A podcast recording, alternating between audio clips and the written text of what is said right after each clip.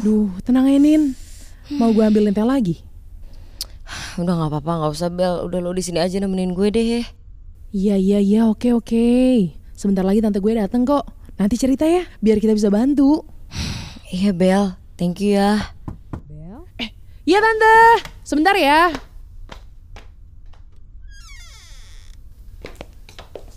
Eh, ada apa ini? Ini Nina tante, sahabat aku yang tadi aku ceritain di telepon. Halo Tante, Nina.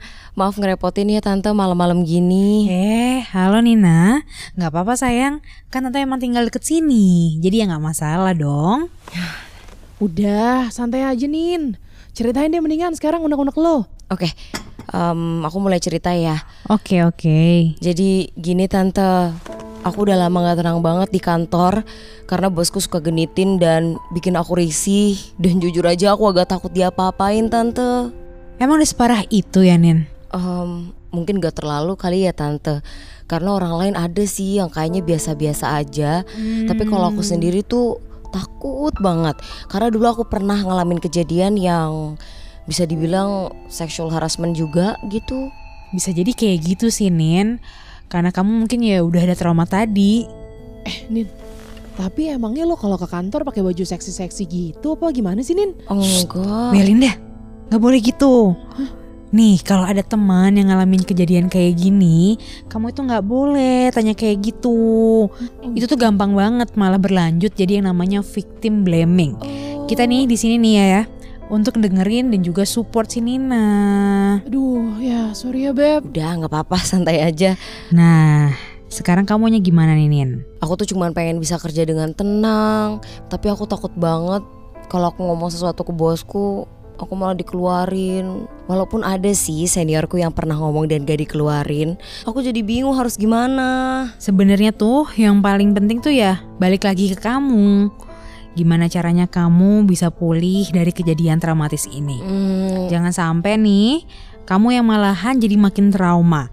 Karena artinya bos kamu nggak kapok-kapok atau nyesel sayang. hmm. Terus kalau menurut tante sendiri aku harus gimana ya?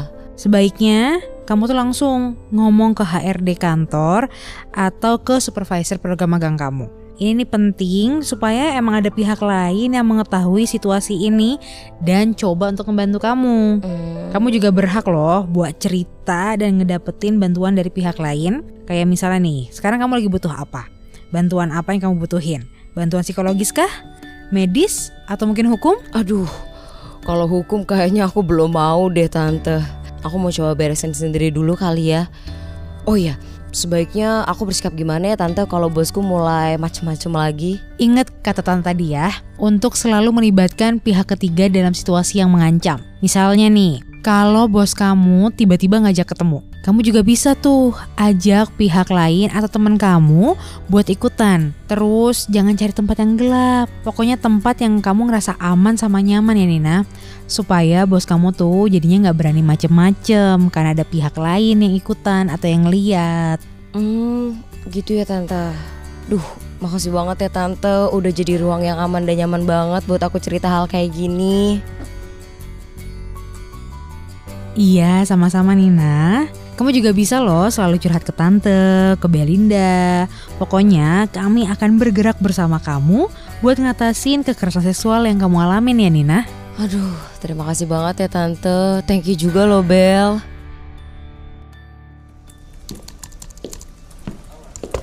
Pagi Nina cantik. Aduh, dia lagi. Gitu dong.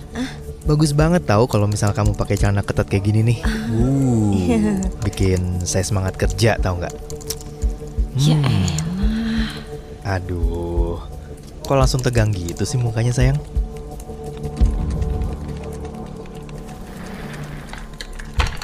Hmm, Pak, ada waktu sebentar? Ada yang perlu saya sampaikan.